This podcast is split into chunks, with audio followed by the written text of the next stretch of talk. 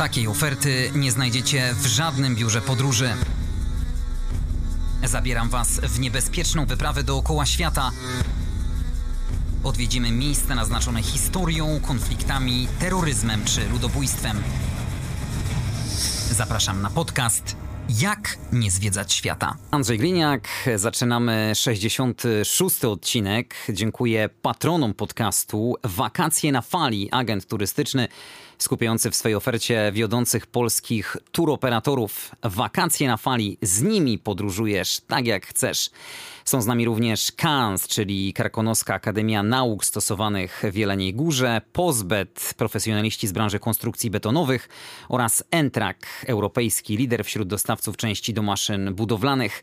Odwiedzajcie konta podcastu na Spotify i YouTube. Zachęcam też do lajkowania strony Jak nie zwiedzać świata na Facebooku.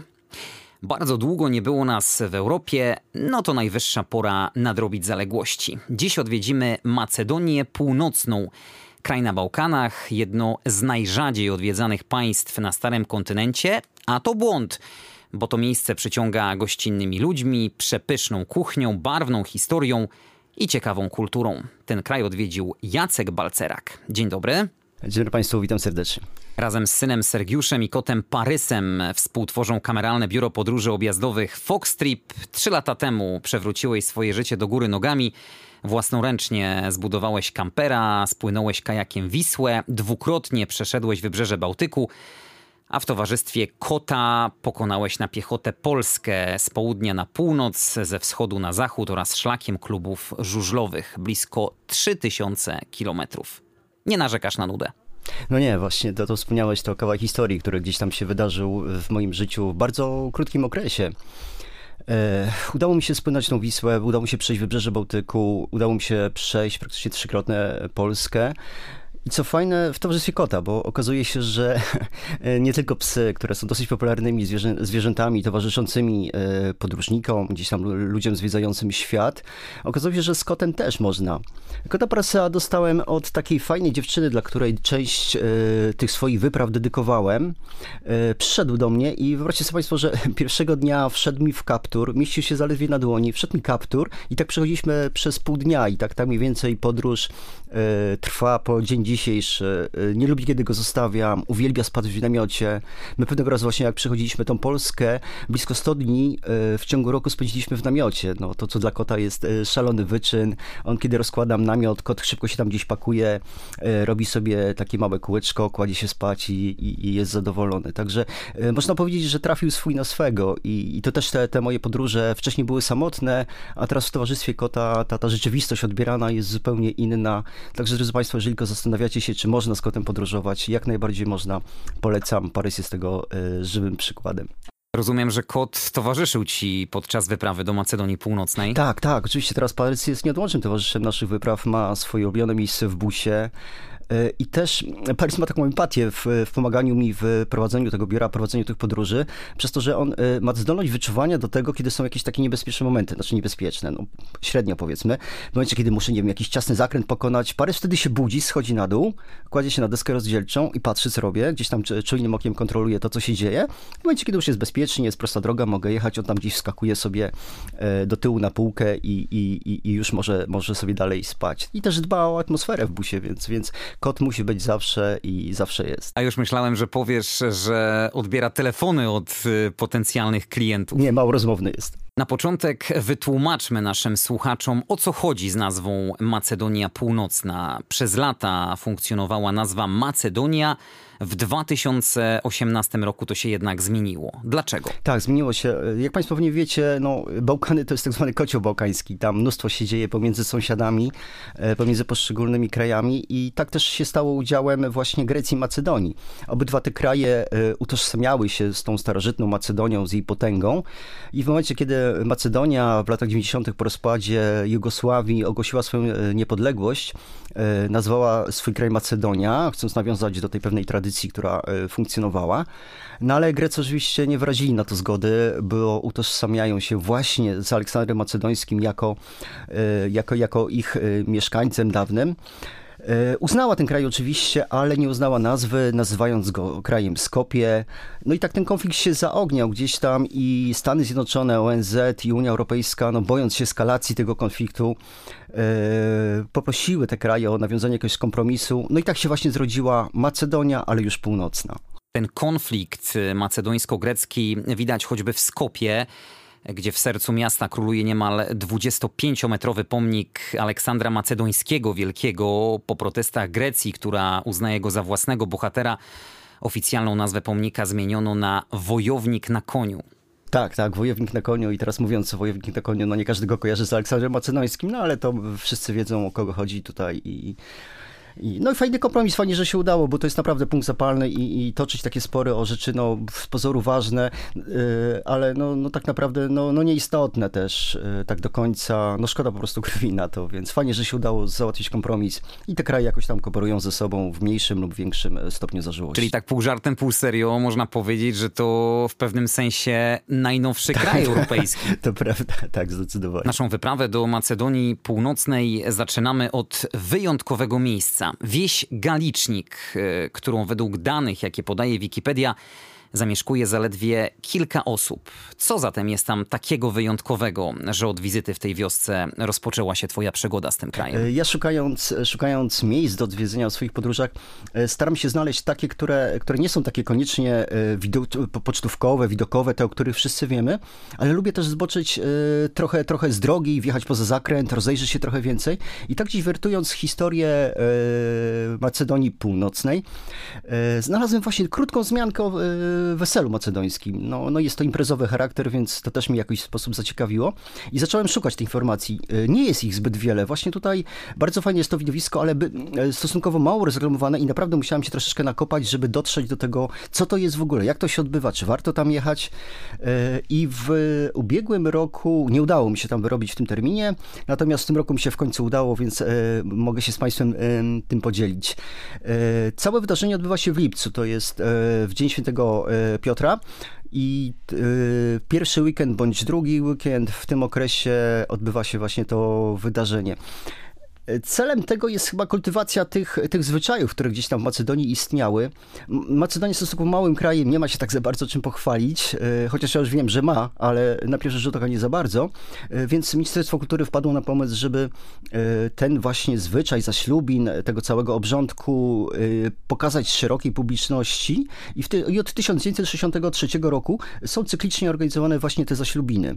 Aby móc wziąć udział w tym ślubie, należy być mieszkańcem okolic wysyła się wtedy zgłoszenie do, do ministerstwa, ministerstwo typuje tą i jeżeli y, zgodzą się na dany układ, wtedy ministerstwo sponsoruje tą całą imprezę i para, ma, para młodych ma w zamian za pokazanie tego szerokiej publiczności swojego wesela, ma możliwość za darmo zorganizowania sobie y, przyjęcia.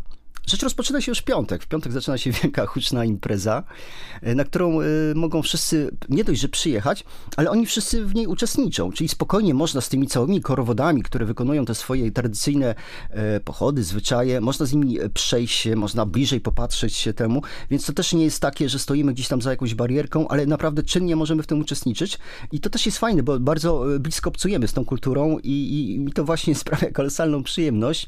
Nie takie dotykanie, zwiedzanie muzeów gdzieś za tym, ale bezpośrednie uczestnictwo i to jest właśnie w tym ważne.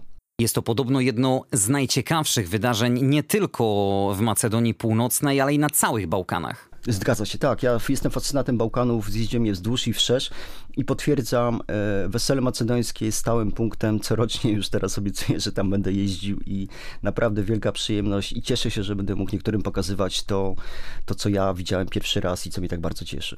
Turyści mogą obserwować e, tylko z boku, czy możemy wziąć aktywny udział, coś zjeść, e, czegoś się napić? No tak, napisz to przede wszystkim tak, tak króluje rakija, króluje wino, no, zawsze. No, ale potem już możesz nie pamiętać, jak to wszystko wyglądało. Nie, ale jak znam Macedończyków, to nawet jeżeli będziesz pamiętał, to na 100% będziesz się dobrze bawił, mimo tego, że część, część e, historii ci tam ucieknie z głowy. Tak, można się napić, można, mo można coś tam podjeść tych lokalnych produktów, spróbować. To nie są też takie, że stoły zastawione, ale bezpośrednio gdzieś tam w domach ludzie częstują tym, e, są bardzo otwarci na, przyje na przyjezdnych. Tych turystów jest bardzo mało, więc każdy każdy, każdy obcokrajowiec jest tam bardzo mile widziany, a jak się dowiedzieli, że my jesteśmy z Polski, no to już w ogóle szerokimi rękoma nas ściskano i, i cieszono się na, na, nas, na nasz widok. W której części Macedonii znajduje się wieś Galicznik? Galicznik to jest w pobliżu Ochrydy, mniej więcej te, te, te, te, te okolice. Ochryda chyba każdy wie, gdzie jest. Sztandarowy punkt Macedonii. Bardzo fajnie tam można dojechać. No i też to właśnie Galicznik jest położony na wysokości 1500 metrów. Jak tam się wjeżdża poza tą imprezą, tam panuje cisza. Tam naprawdę jest kilka domów gdzieś, panuje kompletna cisza i aż, aż, aż nie chce się zbyt głośno rozmawiać, e, tylko chłonie się tą ciszę.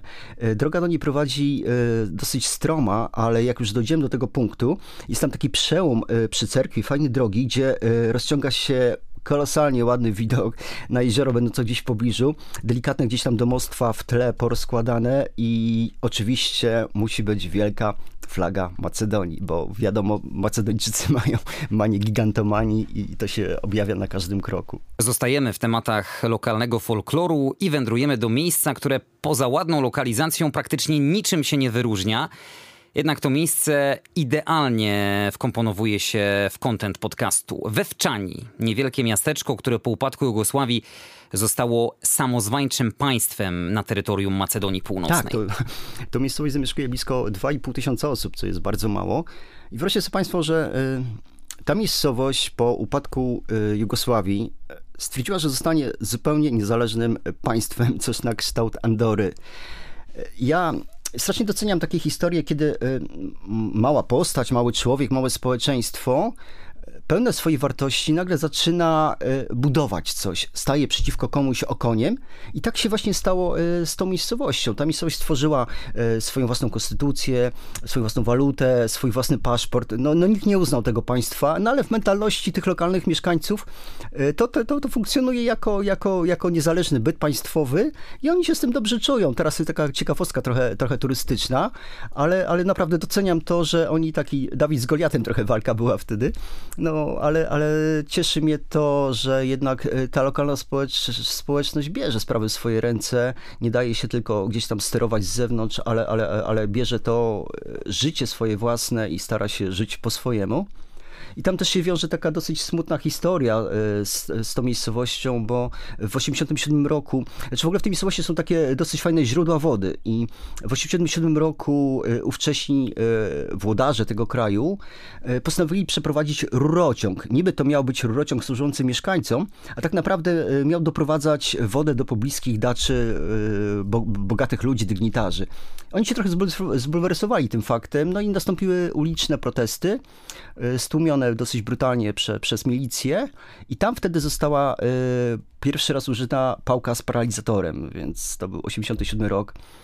Jugosławia jeszcze wtedy i, i, i, zaczyna się początek tego, co nastąpiło w latach 90., ten smutny koniec Jugosławii. Ale tak naprawdę Wewczani chyba traktujemy jako swoistą ciekawostkę, tak z przymrużeniem oka, żeby przyciągnąć e, turystów. Tak, tak, oczywiście, że tak tam jeszcze oprócz tego, że oni mają ten swój, e, swój, swoją własność, e, swój, swój własną próbę stworzenia państwa, to jeszcze troszkę odbywa się tam podobnie jak na wesele, tylko że nie w tym okresie wesela, ale w okresie świątecznym, odbywa się karnawał. E, tam ludzie poprzebierani w jakieś tam lokalne, lokalne e, stroje wychodzą na ulicę i paradują. Cieszą się z tego, że nadchodzi nowy rok.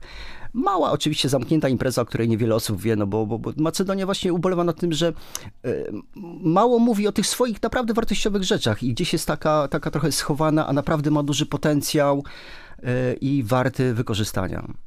Ja jeszcze na ten karnawał muszę jechać, bo jeszcze nie byłem na tym karnawale, więc może uda się Sylwester spędzić właśnie w Macedonii, a czemu nie? Co jeszcze oprócz wsi Galicznik i miasteczka Wewczani z takich regionalnych klimatów warto polecić naszym słuchaczom? E, jeżeli chodzi o regionalne takie klimaty, mm, znaczy jest taka, e, jest klasztor świętego, świętego Stefana. Ja go bardzo tak, e, nie lubię takich miejsc bardzo komercyjnych, ale tam też tak tradycyjna taka tradycja, kultywowana taka tradycja jest, że jeżeli się posłucha trumny świętego Numana, który tam leży pochowany, jeżeli się go usłyszy, no to wtedy ma się pozytywne życie y, do końca. Część y, osób słyszy, część osób nie słyszy. Y, ja słyszałem, więc liczę na to, że, że, że to będzie szczęście gdzieś tam mi towarzyszyło. Jest też taka fajna tradycja, że każda rodzina wierząca wybiera swojego patr patrona, który opiekuje się daną rodziną i corocznie w dzień imienin tego patrona jest organizowane takie małe przyjęcie dla sąsiadów, dla znajomych. E, gdzie właśnie jest świętowany, celebrowany, wspominany ten patron, który ma się opiekować tym domem. Ten patron jest wybierany raz w momencie, kiedy rodzice na przykład umierają, a dzieci już się wyprowadziły, wtedy ewentualnie dzieci mogą przejąć tego patrona do siebie i, i, i dalej ciągnąć ten, ten fajny, fajny zwyczaj. No to teraz czas na stolicę, czyli Skopie, chyba jedno z nielicznych miast w Europie, które wzbudza tak skrajne emocje. Zdania co do największego miasta Macedonii Północnej są mocno podzielone. Piękne, klimatyczne albo koszmarne, kiczowate. Do jakiej opinii tobie jest bliżej? To prawda, tak. Albo się Skopie kocha, albo się Skopie nienawidzi i to potwierdzam naprawdę. Ilekroć pokazuję komuś Skopie, to są dwie różne skrajne opinie i obie, oba to tożsame z tym, co powiedziałeś wcześniej. Nie, mi osobiście się Skopie podoba, dlatego że no ja też lubię miasta, które mają jakiś charakter. Czy on jest dobry, czy zły, ale mają jakiś charakter. Tam y, w 2010 roku powstał y, taki projekt na dwudziestolecie y, odzyskania niepodległości, uzyskania niepodległości, taki projekt mający na celu budowę 20 wielkich obiektów e, w centrum miasta, typu muzea, biblioteki. Dodatkowo, żeby jeszcze bardziej urozmaicić to centrum miasta, zaplanowana budowa 50 pomników, i 50, e, łącznie 50 pomników i 50 e, fontan. Jak byłeś w Skopie, to wiesz, że to centrum Skopie nie jest zbyt wielkie, więc nagromadzenie tych wszystkich monumentów wielkich na tak małej przestrzeni no, powoduje wrażenie, że człowiek z zaciekawieniem się gdzieś tam rozgląda. Często osoby, które właśnie pokazuję Skopie, pytają mnie, czy, czy to powstało 300 lat temu, 400 lat temu i też nie dowierzają, że, że to stało się całkiem niedawno, a niedawno stało się też dlatego, że w 1963 roku y, Skopie nawiedziło duże trzęsienie ziemi. Tam praktycznie 3 y, czwarte y, danego, 3 czwarte miasta zostało zniszczone, no i one powoli odbudowały się od gruzów, czyli praktycznie od zera. Ja lubię Skopie, bo ja lubię tam przyjeżdżać nocą, e, kiedy nie ma ludzi, kiedy, kiedy e, gdzieś tam pomiędzy tymi uliczkami sobie przejdę i, no i, i chłonę to miasto. E, oczywiście w Skopie, no, ulubione moje miejsce, no to, to ten stary bazar, tak? To jest, to jest pierwsza taka dawka Orientu, porównywalna może do Sarajewa. Pierwsza dawka, gdzie możemy poczuć się już, już, już na Bałkanach. Ja w tym momencie mam taki zwyczaj, że jak ja dojeżdżam do Skopie, to wtedy ściągam buty. E, prowadzę samochód boso, e, lubię chodzić boso i to jest dla mnie taki początek, e, początek Bałkanów i wtedy zaczynam właśnie tą podróż i wewnętrzną, i taką zewnętrzną na te Bałkany, a, a te buty są symbolem tego, że w końcu jestem wolny, jestem, jestem na Bałkanach, jesteśmy w Skopie. Przez lata, kiedy Macedonia była częścią Jugosławii, Skopie to było zwykłe, szare, betonowe, komunistyczne miasto w takim prostym, funkcjonalnym stylu. I dopiero ten projekt, o którym wspominałeś, Skopie 2014, czyli ta koncepcja zupełnej przebudowy centrum miasta, zmieniła je w wielką opowieść o potężnej Macedonii. Tak, tak, bo, bo tych pomników, no one naprawdę są takie do, do, przytłaczające trochę. Owszem, można byłoby gdzieś zaznaczyć tę pewną historię, ale no, no, natłok tych, tych wielkich monumentów no, no, też nie jest taki do końca rozumiany przez ludzi ale no, Macedończycy też chcą być dumni ze swojego kraju. Oni ciągle żyją z, w cieniu gdzieś tych swoich wielkich e, sąsiadów, Chorwacji, e, Czarnogóry, a tu taki mały, drobny kraj, który jest praktycznie 8 razy mniejszy od Polski, no, no też potrzebuje jakiejś tam dumy narodowej. I stąd e, te wszechobecne wielkie flagi, bo tam nie ma flagi małej, tam jest flaga wielkości połowy boiska piłkarskiego lub kortu tenisowego, gdzieś tam dumnie powiewa na wietrze, świetnie się fotografuje i no, no doświadczam, że, że ten naród potrzebuje mieć jakiś, jakiś, jakiegoś wsparcia, takiego, chociażby w takich monumentach momentach. Tych pomników w Skopie jest najwięcej na świecie na metr kwadratowy. Jestem w stanie to uwierzyć. Tak, potwierdzam zdecydowanie, że gdzie nie spojrzysz, to jest pomnik, jakiś lwy, trudno te postacie rozszyfrować. Znaczy, to też tak było zrobione trochę pochopnie, bo z zewnątrz, jak tak się spojrzy z odległości kilkunastu metrów, no to to wygląda fajnie. Ale kiedy przesuniemy się trochę bliżej, już widać takie drobne niuanse, że to było robione pochopnie, szybko.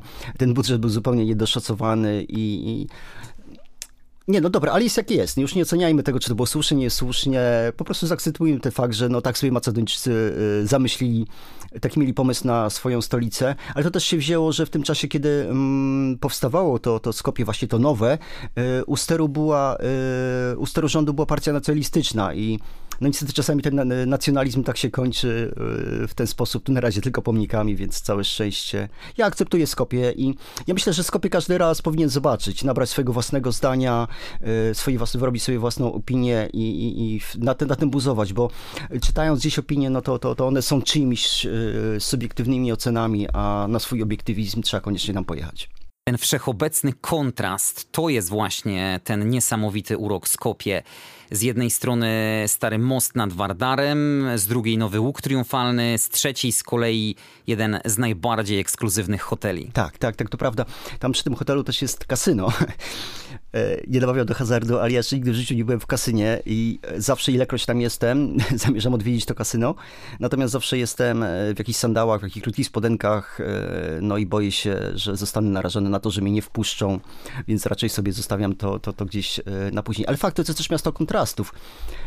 Tam jak wjeżdżam od razu, to na, pierwszy rzut, na pierwszych światłach podchodzą żebrące dzieci. Te Bałkany już powoli odchodzą od tego, z czym były kojarzone, czyli z taką totalną biedą, e, z tymi e, dziećmi myjącymi szyby, żebrzącymi, natomiast w Skopie to funkcjonuje i, i to też jest takie pierwsze zestawienie z naszego zachodniego świata. Kiedy, kiedy wyjedziemy, kiedy u nas jest wszystko ładnie, czysto, nagle się okazuje, że wchodzimy kilkaset kilometrów dalej w zupełnie inny klimat. I dostrzegalny, namacalny, no, te dzieci nie wyglądają zbyt optymistycznie, no ale też oczywiście e, nie, nie, nie starajmy się, znaczy taka moja prośba wewnętrzna, żeby, żeby, żeby, żeby nie dawać tych też pieniędzy tym dzieciom, chociaż serce czasami się kraje, mm, ale to też e, te dzieci pracują na rzecz swoich dorosłych najczęściej i te pieniądze są w różny sposób pożytkowane, więc po prostu nie przyzwyczajajmy, nie, nie dawajmy mi tego poczucia bezpieczeństwa, że zawsze ktoś e, parę groszy da, bo to też nie chodzi o to, żeby, żeby, żeby dać im tylko coś na bieżące, ale tak naprawdę kompleksowo się gdzieś tym zająć i myślę, że Macedonia sobie doskonale doskonale z tym, z tym poradzi. Ale to, to są przejścia faktycznie, bo od tego nowoczesnego wystarczy tam przejść koło tego łuku triumfal, triumfalnego i tam z tyłu to, to już widać, że to jest po prostu oklejone, że to jest taka fototapeta w cudzysłowie oczywiście, fototapeta takiej nowoczesności, wielkości, a tak naprawdę no, no jest, jest, jest jak jest. Cały projekt Skopie 2014 według początkowych założeń miał kosztować 80 milionów euro. Jednak szacunki dość szybko okazały się błędne. Z czasem rząd ogłosił, że wydał 200 milionów euro. Obecnie mówi się, że rzeczywisty koszt to niemal pół miliarda euro. I od razu pojawiły się głosy, że była to gigantyczna pralnia pieniędzy. Tym bardziej, że korupcja w Macedonii Północnej jest na porządku dziennym. E, być może tak było. Ja, ja, nie znam dokładnie tej historii, więc e, nie chcę takiego jednoznacznego stanowiska e, zabierać, no ale no, no tak to wygląda, drodzy Państwo, no, kiedy, kiedy budżet przekracza. No, każdy z nas jakiś remont robił, zakładając budżet jakiś, zakładamy, że 20, 30%, 40% to wzrośnie. Nie, ale, ale nie aż takie kwoty wielkie, więc mm, prawdopodobnie coś mogło być w tym temacie, ale no stuprocentowej wiedzy na ten temat nie mam, no ale tak to wygląda. Skopie jest e, podzielone jakby na dwie części. Jest ta część prawosławna, którą zamieszkują Macedończycy i część islamska, gdzie mieszka większość Albańczyków. Umowna granica przebiega przez rzekę Vardar, ten kamienny most. Tak, ja się czuję lepiej w części albańskiej oczywiście. Albania to jest taki mój ulubiony kraj i cokolwiek ma wspólnego e, z Albanią, no to już e, na starcie ma 6 punktów w ocenie atrakcyjności dodatkowo. E, tak, jest podzielona, tylko tak jak wspomniałeś, e, według, e, według spisów Macedonia jest tak mniej więcej pół na pół podzielona. Część połowa jest prawosławnych, połowa jest mu, muzułmanów. Natomiast ja będąc tam mam wrażenie, że bardziej aktywna jest ta część muzułmańska. Y, bardziej to widać w sklepach, gdzie, gdzie nie można kupić alkoholu, y, gdzie te meczety co chwila gdzieś tam nawołują do, do, do modlitwy. I mam wrażenie, że y, stanie się coraz bardziej chyba tym, tym krajem muzułmańskim, co absolutnie mi nie przeszkadza, bo, bo ja dobrze się czuję w krajach muzułmańskich. Muzułmanie pozbawieni nacjonalizmu, mm, takiego sterowania są bardzo sympatycznymi ludźmi. Oni tą gościnność mają we krwi, e, czego ja wielokrotnie doświadczyłem.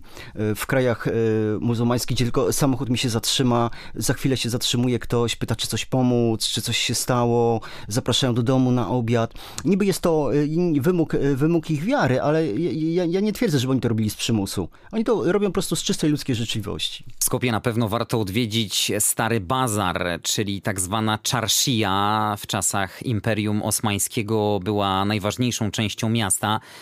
Można kupić tu między innymi pamiątki, dobrze zjeść. Tak, tak, oczywiście. I to też porównywalne jest, tak już wcześniej do, do, do Sarajewa, do tego, tego bazarku, tylko Sarajewo już jest bardziej skomercjalizowane, skomercjalizowane. Tam już widać tą chiszczyznę, niby, że to wszystko jest ręczna robota, no ale to widać, że to jest wszystko pod turystów. Natomiast y, Skopie jeszcze przez wzgląd na to, że nie ma zbyt wielu turystów, ono zachowuje ten swój taki naturalny klimat. I naprawdę wychodząc z tego monumentalnego y, centrum miasta, nagle zanurzamy się w takie małe, wąskie uliczki, pełne przesympatycznych knajpek, gdzie można usiąść, gdzie można zapalić sziszę, gdzie można coś dobrego y, zjeść.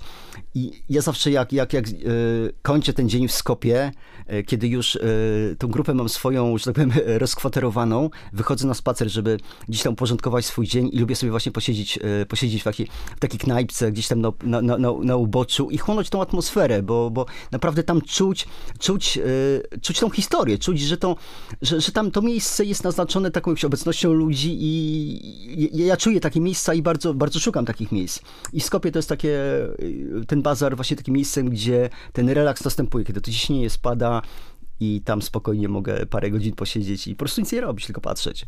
Dla mnie Skopie jest e, zdecydowanie jedną z najciekawszych stolic Europy. Dla wielbicieli Grecji czy Rzymu będzie to prawdziwa perełka. Plusy i minusy. Plusy na pewno ceny. To jest absolutnie jeden z najtańszych krajów Europy. Pamiętam, jak e, kupowałem obiad w samym centrum. Za dwa dania zapłaciłem zaledwie kilkanaście złotych. Tak, tak, to jest odczuwalne. Odczuwalne zdecydowanie różnice w cenach. Podobnie Bośnia jest też stosunkowo tania. E, znaczy, ja nie wiem, czy dobrze, dobrze yy, mówimy też o tym, że w Macedonii jest tanio, bo za chwilę jak się najedzie tam rzesza turystów, to te ceny podobnie jak w Albanii zaczną yy, windować do góry, no ale oczywiście nie można być egoistycznym i tylko zawłaszczać część terenu dla siebie, więc tak, Macedonia jest dosyć tanim krajem i no przyjemnie się tam robi zakupy, bo, bo, bo rzut beretem dalej Czarnogóra, Chorwacja, to już, już portfel trzeba bardzo mocno trzymać, żeby, żeby nie przeszarżować z budżetem. Minusy na pewno temperatury w okresie wakacji dochodzą nawet do 40 stopni. Niesamowity skwar, żar leje się z nieba, czasami te temperatury są nie do wytrzymania, a jak sam mówiłeś, e, wizytę na przykład we wsi Galicznik e, najlepiej zorganizować w lipcu. Tak, właśnie przez wzgląd na to, na, tą, e, na to wesele macedońskie i i akurat w lipcu też trafiliśmy na taką koszmarną pogodę. Ja, nie, ja źle się czuję w upałach. Dla mnie 20 parę stopni to jest taka optymalna temperatura, żeby normalnie funkcjonować. Reszta powyżej to już jest tragedia. I tu też bardzo współczuję tym osobom, które e, brały udział e, właśnie w tej celebracji wesela, bo oni są ubrani w strój tradycyjny macedoński, a Macedonia e, no, jest terenem górzystym, więc ten strój jest dostosowany do tych warunków zmiennych atmosferycznych i w takim upale, jak ja patrzyłem na tą pannę młodą, jak ona dzielnie znosi ten, ten, ten cały strój, jak ona z uśmiechem na twarzy, choć widać były czasami grumasy bólu, ale naprawdę dzielnie dziewczyna podchodziła i wielki szacun e, za to, że, że podobała w tak wielki upał. My staliśmy, chodziliśmy się wodą i samostanie nas męczyła, co dopiero uczestnictwo e, w takim weselu. Kolejny minus to watachy bezpańskich psów. O ile na całych Bałkanach to jest powszechne zjawisko, w Kosowie na przykład te psy wylegują się cały dzień na słońcu, ale nie są agresywne, można je śmiało pogłaskać. O tyle w Skopie, pamiętam jak wieczorem podjechałem pod hotel, to ta sfora bezpańskich psów e, głośno szczekała, podbiegła pod auto. No i powiem szczerze, miałem obawy, czy wysiąść. Dopiero właściciel hotelu je zawołał i mogłem bezpiecznie opuścić pojazd. To jest wielka niewiadoma, co cię może spotkać z ich strony. Tak, to prawda. Należy mieć zawsze z tyłu z głowy, że to są zwierzęta, y, a zwierzęta głodne y, potrafią, podobnie jak ludzie, głód jest takim głównym motywatorem do złego działania i potrafi nas, y, przysłowiowe zwierzę z nas wydobyć, a co dopiero z głodnego zwierzęcia. Ja odpukać jeszcze nie miałem nieprzyjemnej przygody mm, z psami, ale być może w, ja zauważyłem też taką pewną różnicę w zwierzętach pomiędzy innymi krajami a Macedonią. W Macedonii te psy są zabiedzone mimo że są bezdomne, wychudzone. wychudzone tak, y, w pozostałych krajach one są bezdomne, ale, ale one są dokarmione, one nie widać po nich, że one tam gdzieś sobie śpią y, w różnych, w różnych dziwnych miejscach i też w pozostałych krajach zauważyłem, że próbują rozwiązać ten problem bezdomności psów poprzez ścipowanie. Coraz więcej psów ma y, w, kolczyk w uchu, więc już zaczyna się coś w tym dziać, ale tutaj też miałem w Macedonii świetną przygodę z psem.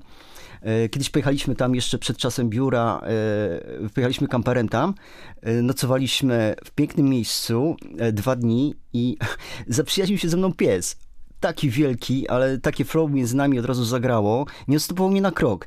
Przychodziliśmy dwa dni ciągle ze sobą.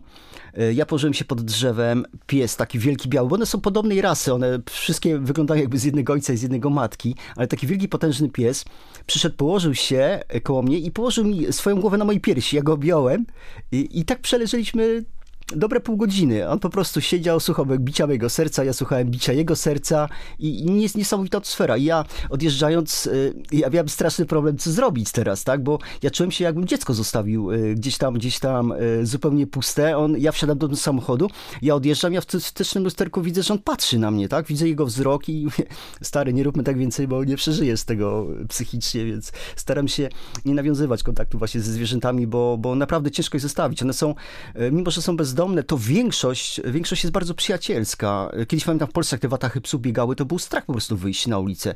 A tam ja, ja do tej pory nigdy nie miałem właśnie jakichś nieprzyjemnych sytuacji, ale należy mieć na uwadze to, że jednak to jest zwierzę, więc różnie może być traktowane przez człowieka i różnie może być... Yy...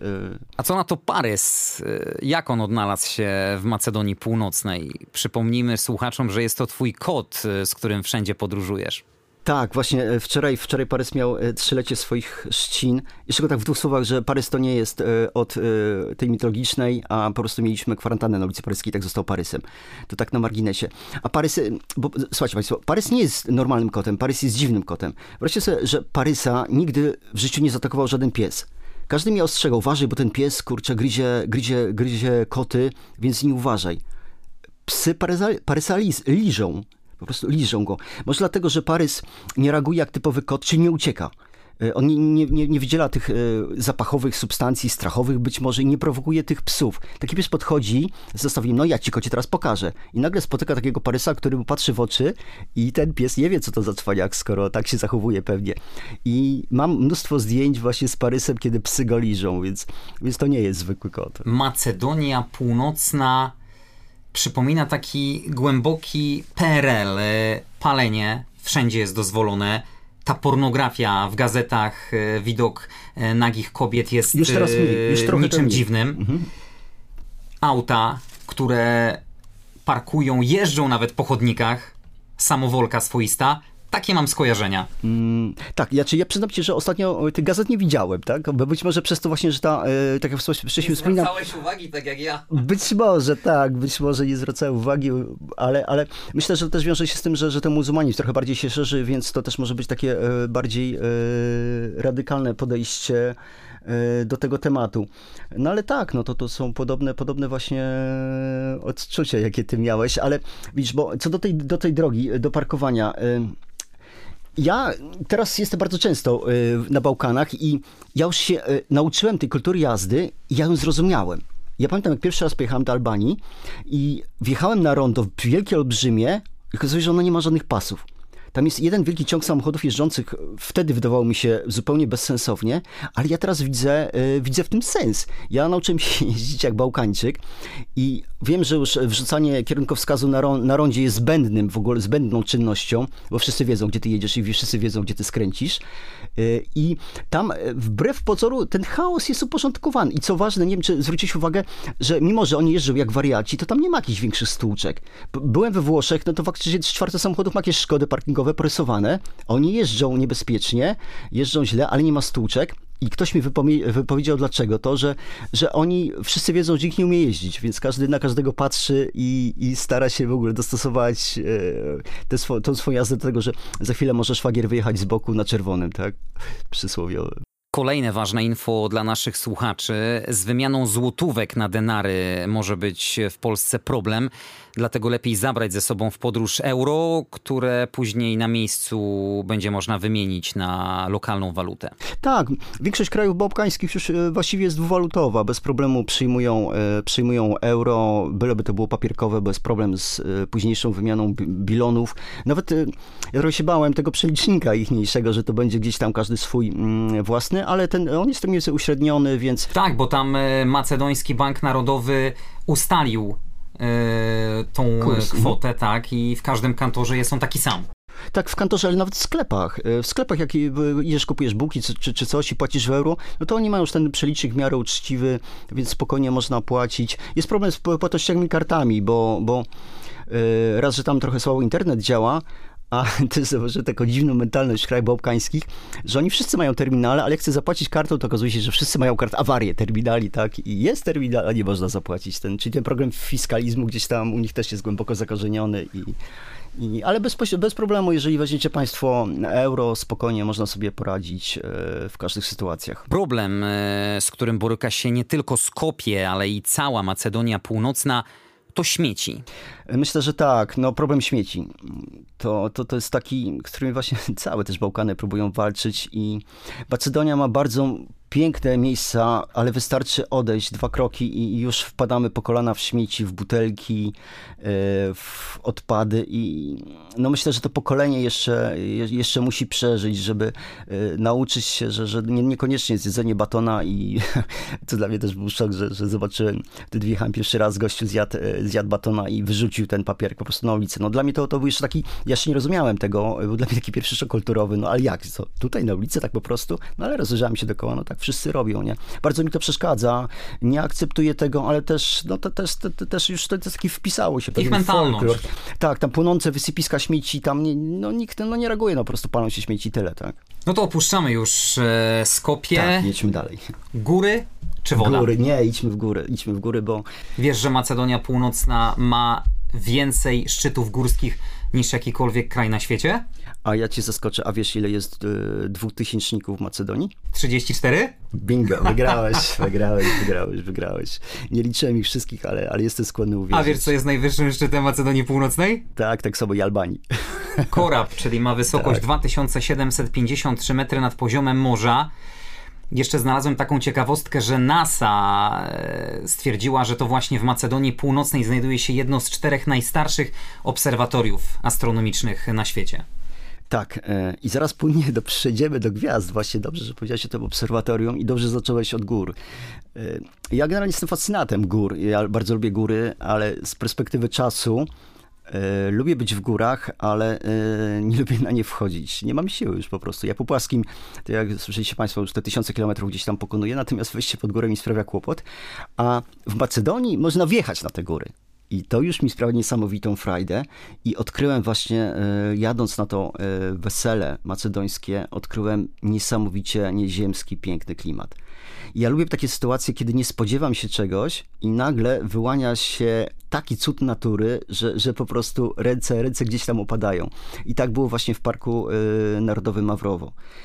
Tam wjeżdża się pod górę, jest dosyć stromo. Ja uwielbiam jeździć tymi wąskimi uliczkami, fajnie się mieszczę tym busem. Ale wjeżdżasz przez las, no nic się nie dzieje, nic się nie dzieje, my zupełnie nieświadomi tego. Nagle dojeżdżamy do końca lasu i wjeżdżamy w taki, dla mnie trochę księżycowy klimat. Taka wielka równina, Y, na wysokości około 2000 metrów, y, porośnięta taką trawą y, o kolorze, kolorze brunatnym, rudym. Coś podobieństwo do Parku Narodowego Durmitor w Czarnogórze, ale ten mi się bardziej podoba. Ten jest jeszcze, jeszcze trochę mniej ludzi jest i naprawdę, drodzy Państwo, tam jak widzicie, to gwarantuję Wam, że wszyscy zamilczycie na chwilę. I ja wtedy, jak wjechaliśmy, to spotkaliśmy stado koni swobodnie biegających. I, i to, to, doskonale uzupełniało właśnie tego dzikość tego kraju, bo, bo, no bo rzadko, znaczy tego oczywiście konie nie były takie zupełnie dzikie, one były, y, one miały tam gdzieś swoją y, stadninę, ale ta stadnina była kilkanaście kilometrów od, od, nich, a one sobie swobodnie chodziły. I my staliśmy i patrzyliśmy na te konie gdzieś tam chodzące, więc Park Mawrowo i ta droga prowadząca do y, Galichnika, do niego jest the best jak na razie, jeżeli chodzi o, o takie wartości wizualne tej Macedonii. To jest mój świat, ja naprawdę bardzo lubię tam być i wszystkich zabieram tam, pokazuję obowiązkowo. Czyli niejako konkurencja dla jednego z najbardziej komercyjnych miejsc w Macedonii Północnej, uważanego za jedno z najbardziej malowniczych zakątków tego kraju, czyli kanion Matka cud przyrody. Tak, potwierdzam, jest to cud przyrody jak najbardziej. No, do, każdy, kto tam przejeżdża przez, przez Macedonię, no, słyszał o kanionie Matka. Tam bardzo blisko Skopie, kilkanaście minut jazdy samochodem. Dokładnie, dokładnie. Jest to bardzo ładne miejsce. Yy jest tam możliwość przepłynięcia się y, tym kanionem. Są dwie firmy, które konkurują ze sobą. Jedna ma dostęp do jaskini, druga nie ma dostępu do jaskini. Y, ja nie reklamując nikogo polecam y, dostęp, popłynięcie z, z dostępem do jaskini w Relo, gdzie, gdzie można przejść. Tam jest krótki spacer i, i tak, to, to jest piękne, magiczne miejsce. Te łódki są jeszcze pomalowane w tęczowe kolory, więc one świetnie się na fotografiach gdzieś tam sprawdzają. I to też taki czas, że ja mam taki też moment uspokojenia w tej kanionie Macka, bo już tam parę razy pływałem i w momencie, kiedy mi się ludzie rozejdą, idą. Ja sobie siadam w takiej ulubionej knajpce, piję, piję kawę i to też jest taki, taki moment, kiedy mam coś dla siebie, kiedy chłonę właśnie tą naturę, bo naprawdę jest tam na, na czym oko zawiesić. Jezioro Matka jest e, najstarszym kanion, kanion, sztucznym jeziorem. Mm -hmm. Tam, tak jak mówiłeś, można sobie też e, popływać i ten cały kanion to także rezerwa dla wielu gatunków roślin i zwierząt również tych występujących jedynie w tym regionie. Około 20% gatunków roślin uznaje się za rzadko spotykane bądź endemiczne i mnóstwo gatunków motyli też w tym miejscu można tak, zobaczyć, stada duże motyli, skupiska tak, nietoperzy. Mhm. Tam też, e, jak będziecie Państwo płynęli tą łódkę, łódką, proponuję nie wkładać rąk do wody, bo pływają tu takie malutkie 50-centymetrowe węże. E, podobno nieszkodliwe, no ale dla osoby wrażliwej mo, mo, może to powodować jakąś e, niespodziankę, tak. Ostatnio jechaliśmy tam i żółw przychodził przez drogę i coś pięknego, bo wszystkie samochody się zatrzymały. Ten naprzeciwka BMW pięknie wypasione, ale zatrzymał się i swobodnie przepuszczaliśmy e, żółwia przez drogę. Tak, jest ta przyroda, e, faktycznie jest tam, jest, jeśli ktoś się interesuje botaniką, to naprawdę się tam odnajdzie i wiele fajnych rzeczy jest do zobaczenia. Jaskinie też e, robią wrażenie. Najkrótsza ma 20 metrów, najdłuższa prawie 180 metrów. Tak, tak, a jeszcze tylko wrócę do Kanionołatka, bo coś, e, chciałem tylko powiedzieć, że tam jest polski akcent. Nie wiem, czy wiesz, ale e, nie chcę skłamać, jaka to była głębokość, ale do najgłębszego punktu w tym, e, w tym, w kanionie właśnie spłynął Polak. I tą historię też opowiadają y, prowadzący łódkę Macedończycy, którzy doskonale mówią po polsku. Tam, tam jest język polski dla nich zupełnie czymś naturalnym i, i fajnie posługują się w tym języku, więc taka po, polska, gdzieś tam e, drobna, drobna obecność. I fajnie, że to wspominają. Mówią często, że to jest Polak, tak? że, że, że, że, o tym wiedzą. To też jest duży, duży plus dla nich. Te ceny za taki spływ e, kajakowy, za no, no popłynięcie właśnie. Łódką nie są wcale duże, a wręcz y, naprawdę symboliczne. Tak, wręcz symboliczne, bo nie wiem, czy Państwo wiecie, ile kosztuje rejs e, może porównywalnym do przełomu Dunaju, gdzie, gdzie, gdzie no, te widoki są też, jest woda, jest, są, są góry, tak. No tam to kosztuje pewnie ponad, grubo ponad stówę, nie wiem jak tam teraz jest, ale to zawsze była taka cena zaporowa trochę. No tam y, spłynięcie tą łódką razem z widokiem na jaskinie z Przesim jaskini to jest 8 euro, więc, więc to, to jak na takie duże turystyczne miejsce to jest e, cena, cena mała. I jeszcze właśnie do tego kanionomatka, bo tam w sezonie ciężko wjechać w ogóle i w ogóle zadziwia ta przedsiębiorczość Macedończyków. Tam jest taki mój ulubiony parkingowy, który e, prawdopodobnie jest właścicielem może 20 metrów kwadratowych e, łąki koło drogi. On ma taką rozłożoną wersalkę i w sezonie letnim sobie siedzi, pije sobie piwko, pali papierosa, i pilnuje tego swojego biznesu. I tam można zaparkować, on przypilnuje tego samochodu. Ja mu zawsze z przyjemnością zostawiam te pieniądze, bo widok jego siedzącego na tej wersalce, bo to sam, sama pokrywa tej wersalki, nie cała wersalka, tylko cała ta pokrywa, ona zawsze jest. Już parę lat tam stoi i to, to mi zawsze naprawdę takim fajnym, fajnym, fajnym wrażeniem, że nawet jeśli mam przejść kawałek, to zostawię u niego e, ten wóz i, i z chęcią mu te parę euro zostawię. No i piękne zdjęcia też e, na tle tego kanionu Matka można sobie zrobić. Tak. Rzeczywiście mhm. robi wrażenie to miejsce. Jak ktoś interesuje się fotografią, no naprawdę to miejsce jest, świetnie się prezentuje i to za, również z dwóch perspektyw, bo patrząc z poziomu wody robi wrażenie, ale dla mnie e, jeszcze większe wrażenie robi ten widok z góry, kiedy, kiedy, kiedy widać ten ogrom tego wszystkiego. Jak się dojdzie do też zapory, to też widać te różnice pomiędzy poziomami, między jeziorem e, a tą rzeczką. To, to jest dobre kilkadziesiąt metrów. Widać ogrom w ogóle tej, tej, tej, tej wody, która tam się znajduje. No i ten, ten kolor wody, no po prostu ja nie znam dokładnie się na kolorach, no ale to mi przypomina jakiś taki zielonkawy odcień szmaragdowy i naprawdę aż miło się patrzy. I ta woda jest czysta. Jest też zimna bardzo. Yy, tam się kąpaliśmy, kąpaliśmy się w listopadzie nawet, co już było dużym wyczynem. Ci Macedonczycy patrzyli na nas troszeczkę jak na yy, przybyszów z innej planety, no ale dało radę się wykąpać i, i takie małe alamorsowanie w kanionie Matka, naprawdę fajne przeżycie. I tam też można kajakami się też przypłynąć. E, też jest fajna sprawa, wtedy już bez pośpiechu, bez tych tłumów ludzi można sobie tam pobuszować. To też są jakieś grosze w ogóle, nie pamiętam ile, ale to, to, to, to naprawdę są niewielkie pieniądze i, i można sobie na cały dzień wziąć ten kajak i sobie gdzieś tam popływać po, po, po, no zobaczymy, jak to wszystko się zmieni po wyemitowaniu tego podcastu. No właśnie ja się... Nagle lawinowo turyści nie ruszą do Macedonii Północnej. Z jednej strony się cieszę, a z drugiej strony się boję. Oczywiście żartuję tutaj. Znaczy nie, ja lubię się dzielić tym, co widzę i dlatego właśnie powstało to biuro podróży, bo ja przeważnie podróżowałem sam, e, ale ty też chyba podróżujesz, tak? Sam, nie, nie? Gdzieś tam pies ci towarzyszy, ale ja od, zacząłem odczuwać taką potrzebę współdzielenia tego, tak? Bo jeżeli robisz zdjęcia, opowiadasz kimś, to nie jesteś w stanie tej atmosfery pokazać, a jeżeli ja teraz mam ludzi, którym mogę opowiadać to yy, o tym miejscu, to naprawdę mi daje dużą satysfakcję i uwielbiam wjeżdżać do Mawrowa, bo ja już wiem, co oni za chwilę zobaczą. Oni jeszcze nieświadomi zbliżają się gdzieś, gdzieś do tego. Ja lubię obserwować e, ich reakcje. Kiedyś chciałem zrobić taki fajny, fajny dokument o tym, e, nagrać e, zmianę twarzy osób, które widzą pierwszy raz cud natury te, te, te reakcje są różne, od, począwszy od inwektywów e, popularnego słowa na K, e, poprzez e, wyznanie wiary Jezus, Maria, Maria i tak dalej, i jak to pięknie, i, i, zrobić taką zlepkę właśnie takiej twarzy, to, to byłby fajny, myślę, że pomysł i kiedyś go zrealizuję, jak mi czasu starczy, bo na razie to nie mieszczę się w dobie. Na deser zostawiliśmy sobie obowiązkowy punkt podczas zwiedzania Macedonii Północnej, czyli jezioro Ochryckie i leżące nad jej brzegiem miasteczko Ochryda. Ten zbiornik wodny jest jednym z najstarszych i najgłębszych jezior w Europie. Jedno z najpiękniejszych. Tak, jest uznawany za jeden z najpiękniejszych. E, tak z przekąsem trochę widzę, powiedziałeś. Tak. Słyszę e, w zasadzie. Tak. Bo... Nie zgodzisz się? No nie, nie zgodzę się. Znaczy, ja mówię o swoich oczywiście subiektywnych tutaj ocenach, bo większości ludzi się podoba, natomiast dla mnie to jest troszeczkę taki bardzo skomercjalizowany ten, ten, ten rejon, bo e, w okresie letnim no, Macedonia nie ma dostępu do morza, więc po prostu tam się zjeżdża, e, zjeżdża cała Macedonia w to jedno miejsce, tam jest ciasno, tam jest głośno, e, tam no taki sezon urlopowy, jest głośna muzyka, no ja tam się źle czuję. Być może zimą to, to miejsce nabrałoby większego kolorytu.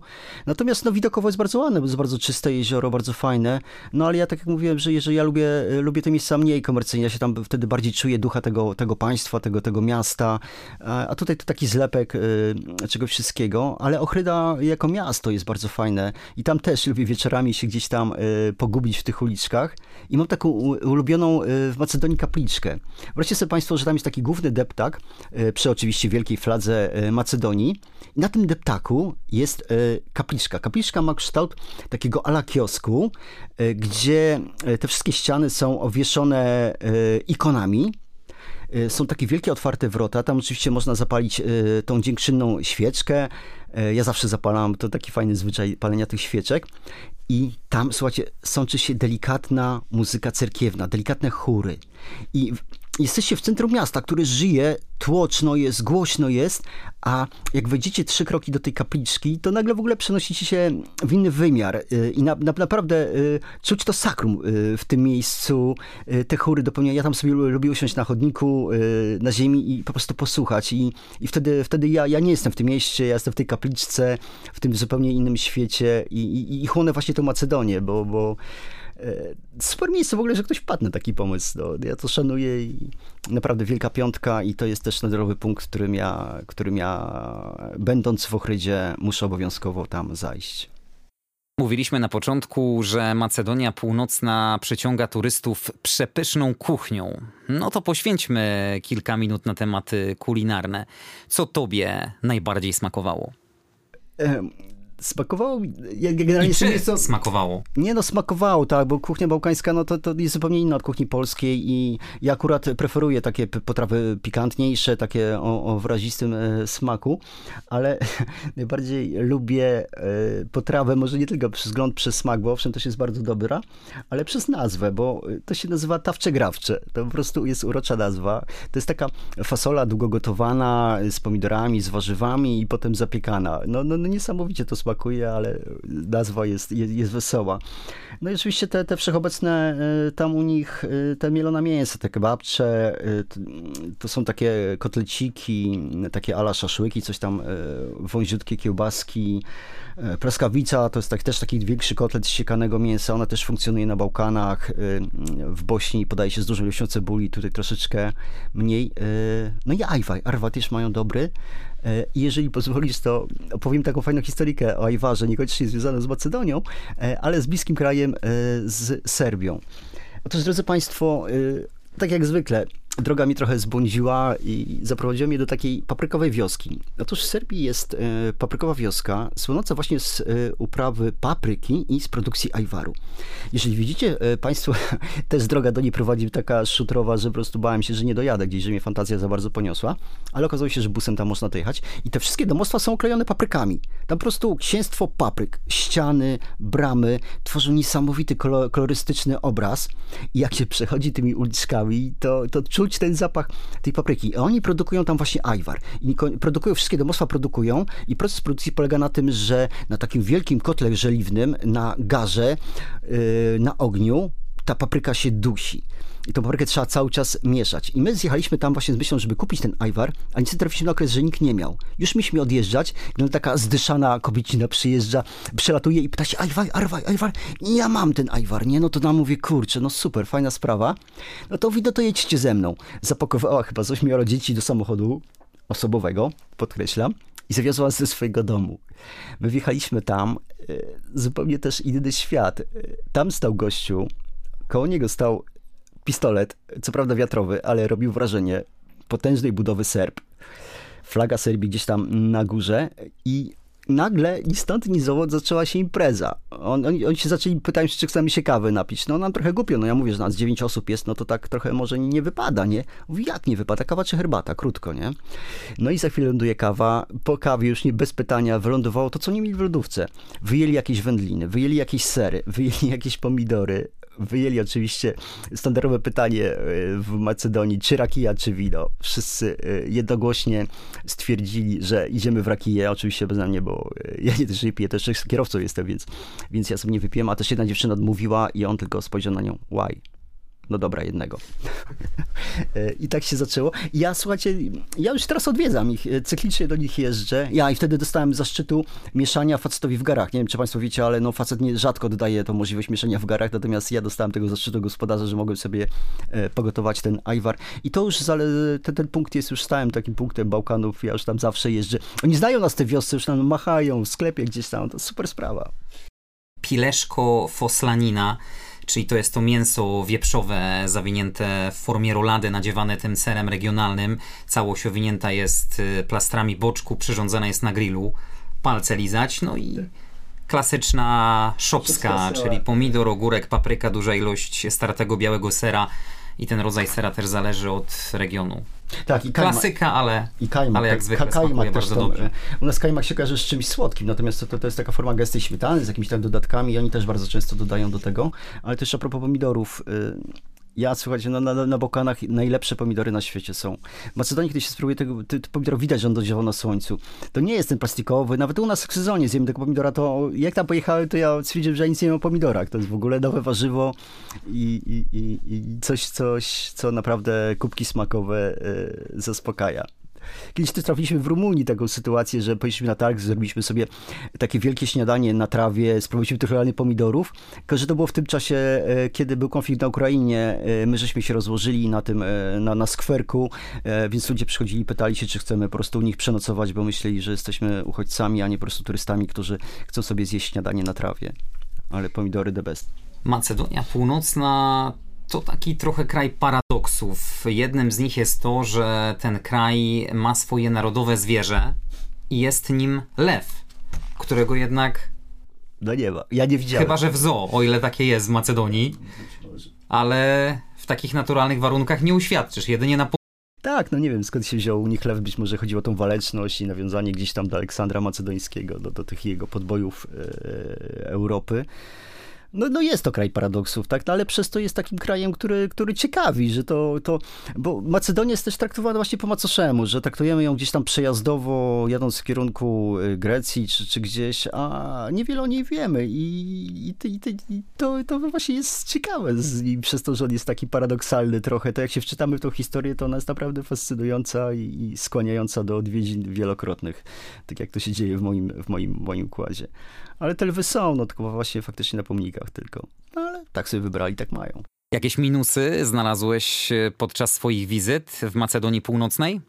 No nie, oprócz tego bałaganu, bałaganu, który tam jest wszechobecny, to to nie, ja tam się doskonale czuję. Tam mocno... Tym bardziej, że Polacy są bardzo mile traktowani. Tak, bardzo lubią Polaków. W ogóle jesteśmy na Bałkanach fajnie traktowani. Zwłaszcza, że my od razu też uznaliśmy tę Republikę Macedonii, e, uznaliśmy jako państwo. Zwłaszcza, że my też mieliśmy ten okres przejściowy, e, więc dosyć szybko uznaliśmy to państwo i za to też nas szanują. I tak jak mówiłem, że oni dużo po polsku rozmawiają, że, że fajnie ten język polski gdzieś tam y, można się dogadać w sklepie spokojnie po polsku i gdzieś to fajną, fajną, fajną, fajną robotę robi, bo tak czuję się prawie tak jak, jak u siebie gdzieś tam. Tym wszystkim. Jakie noclegi preferujesz w Macedonii Północnej? Y, ja y, Raczej, raczej, raczej to są hotele, natomiast e, ja już coraz więcej znajduję takich e, miejsc klimatycznych, takich, gdzie jest pensjonat prowadzący, e, którego prowadzi jakaś dana rodzina i widać, że oni nie robią tego z chęci zysku, tylko oni po prostu czerpią z tego satysfakcję, z gościny. Oni czują się dumni, że ktoś do nich przyjechał, że ktoś chce zjeść ich posiłek i naprawdę podchodzą ze starannością do tego i ty nie jesteś tam kolejnym klientem i nie patrzą na ciebie jak na chodzące 5 euro, ale naprawdę oni chcą ci sprawić przyjemność, gościną u siebie i to, to, to widać na, na, na każdym kroku. Więc y, najlepiej, najlepiej takie właśnie miejsca, które wtedy w nocy rozmawiając z gospodarzem, gdzieś tam już zupełnie na luzie, przy rakii lub bez tej rakii, też można wysłuchać tych opowieści, więc to też jest taki sposób na poznawanie tego kraju, więc ja staram się takie, takie perełki wyszukiwać, mam już ich y, dosyć sporo na swojej liście i chętnie ich odwiedzam i jesteśmy tam przyjaciółmi, witamy się na misia, cześć, cześć, y, co u ciebie tam? I, i wiem o swoich dzieciach już sporo, więc tworzą się takie, takie jakieś takie małe przyjaźnie y, w tym wszystkim. Tradycyjnie już e, pytam moich gości o ich e, najbliższe podróżnicze plany. Ty już masz w głowie, jaki kraj chciałbyś niedługo odwiedzić? Ja na razie skupiam się na Bałkanach, bo tak, ja, ja go zjeździłem już wielokrotnie, ale ja za każdym razem coś nowego odkrywam. Ja staram się nie jeździć e, jak kierowca linii 17 e, przez całe życie jedną drogą i widzieć te same twarze, tylko za każdym razem są drobne zmiany w tych trasach i za każdym razem coś nowego odkrywam. I więc ja dopóki się nie nasycę tymi Bałkanami, to ja tych Bałkanów nie odpuszczę, a przypuszczam, że nie prędko się nasycę, bo Bałkany dają przede wszystkim tą taką. Y, ja, ja, ja, na zachodzie nie lubię jeździć na zachód, bo dla mnie zachód jest zbyt uporządkowany. Tam wszystko jest poukładane, jesteś kolejnym turystą, kolejnym, y, kolejnym gdzieś tam będziesz, za chwilę ciebie nie, nie, nie, nie będzie. Kolejnym pionkiem w grze. Tak, albo chodzący 5 euro, tak? Patrzę do ciebie i tylko jak ty ci oskuwać z kasy. A tam wchodzisz i czujesz się naprawdę człowiekiem wolnym i ja cenię sobie bardzo wolność, to, to, to jest e, c, taka rzecz, której bym nigdy nie oddał. Ja na Bokonach czuję się naprawdę wolny. Właśnie wtedy jak ściągam te buty, ja wchodzę w ten klimat i Bałkany to jest e, ten, ten e, gdzie będę zapraszał e, klientów mojego biura podróży i zawsze będziemy jeździli, no i Albania też po Macedonii i koniecznie będziemy kończyli drogę w, w Albanii. Gdzie można was znaleźć w internecie? Tak, jest strona facebookowa Foxtrip Podróże Objazdowe. Tam są relacje z naszych podróży, są przygody kota opisane, więc jeżeli byście Państwo chcieli uczestniczyć, tylko to też to są podróże takie, nie traktujcie tego jako biura podróży, bo ja to robię, ja to robię z pasją, ja to lubię opowiadać, e, mój syn, e, kot. I to nie jest takie typowe, że państwo o 10 e, jedziecie muzeum, o 12 tam i wszystko z zegarkiem w ręku. Nie, my po prostu tworzymy w tym busie taką fajną społeczność, mnóstwo przyjaźni się zawiązuje, te grupy gdzieś tam dalej sobie jeżdżą i, i dalej funkcjonują, więc mi też zależy na takich ludziach, którzy chcą inaczej trochę podróżować, chcą poznać ten kraj, bo takie też objazdówki to są takie, no nie da się w tak krótkim czasie tyle krajów zjechać i poznać je w całości, ale to też jest zaczyn do tego, żeby znaleźć coś, co cię interesuje w danym kraju i potem już indywidualnie eksplorować. Także e, jeżeli wejdziecie na stronę Fox Tree Podróże Objazdowe, myślę, że się dogadamy. I bardzo mi miło, cieszę się z tego, że mówiłeś, że często w busie puszczasz e, swoim klientom podcast, jak nie zwiedzać tak, świata. Tak, nie, nie, słuchaj, ja jako, jakoś przypadkiem, nie pamiętam w ogóle sytuacji w momencie, kiedy, kiedy ja, ja go znalazłem, ten podcast, y, ale trafił do mnie od razu. Y, trafił do mnie od razu, zacząłem go namiętnie na początku sam słuchać, a teraz go puszczamy swoim, swoim, z, znaczy swoim uczestnikom tych wypraw i naprawdę ja, ja widzę, jak oni go słuchają, ten podcast. I jest on inspiracją dla niektórych.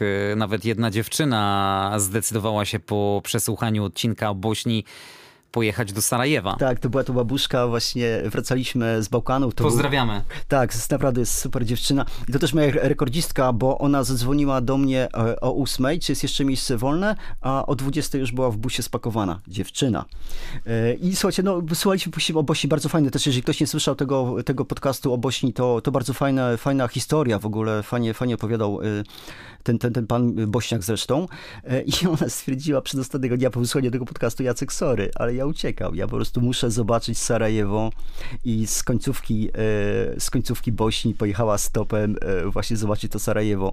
E, spędziła tam trzy dni, przysyła nam filmiki, sprawdzała, czy naprawdę jest tak, jak ten tam mówi i też się zachwyciła Sarajewem, więc, więc to też dajesz inspirację ludziom, nie? No bo też nie prowadzić tego sznapowego tego, tylko na tyle ludzie są ciekawi, że powiadają o takich sytuacjach niekoniecznie znanych, tak?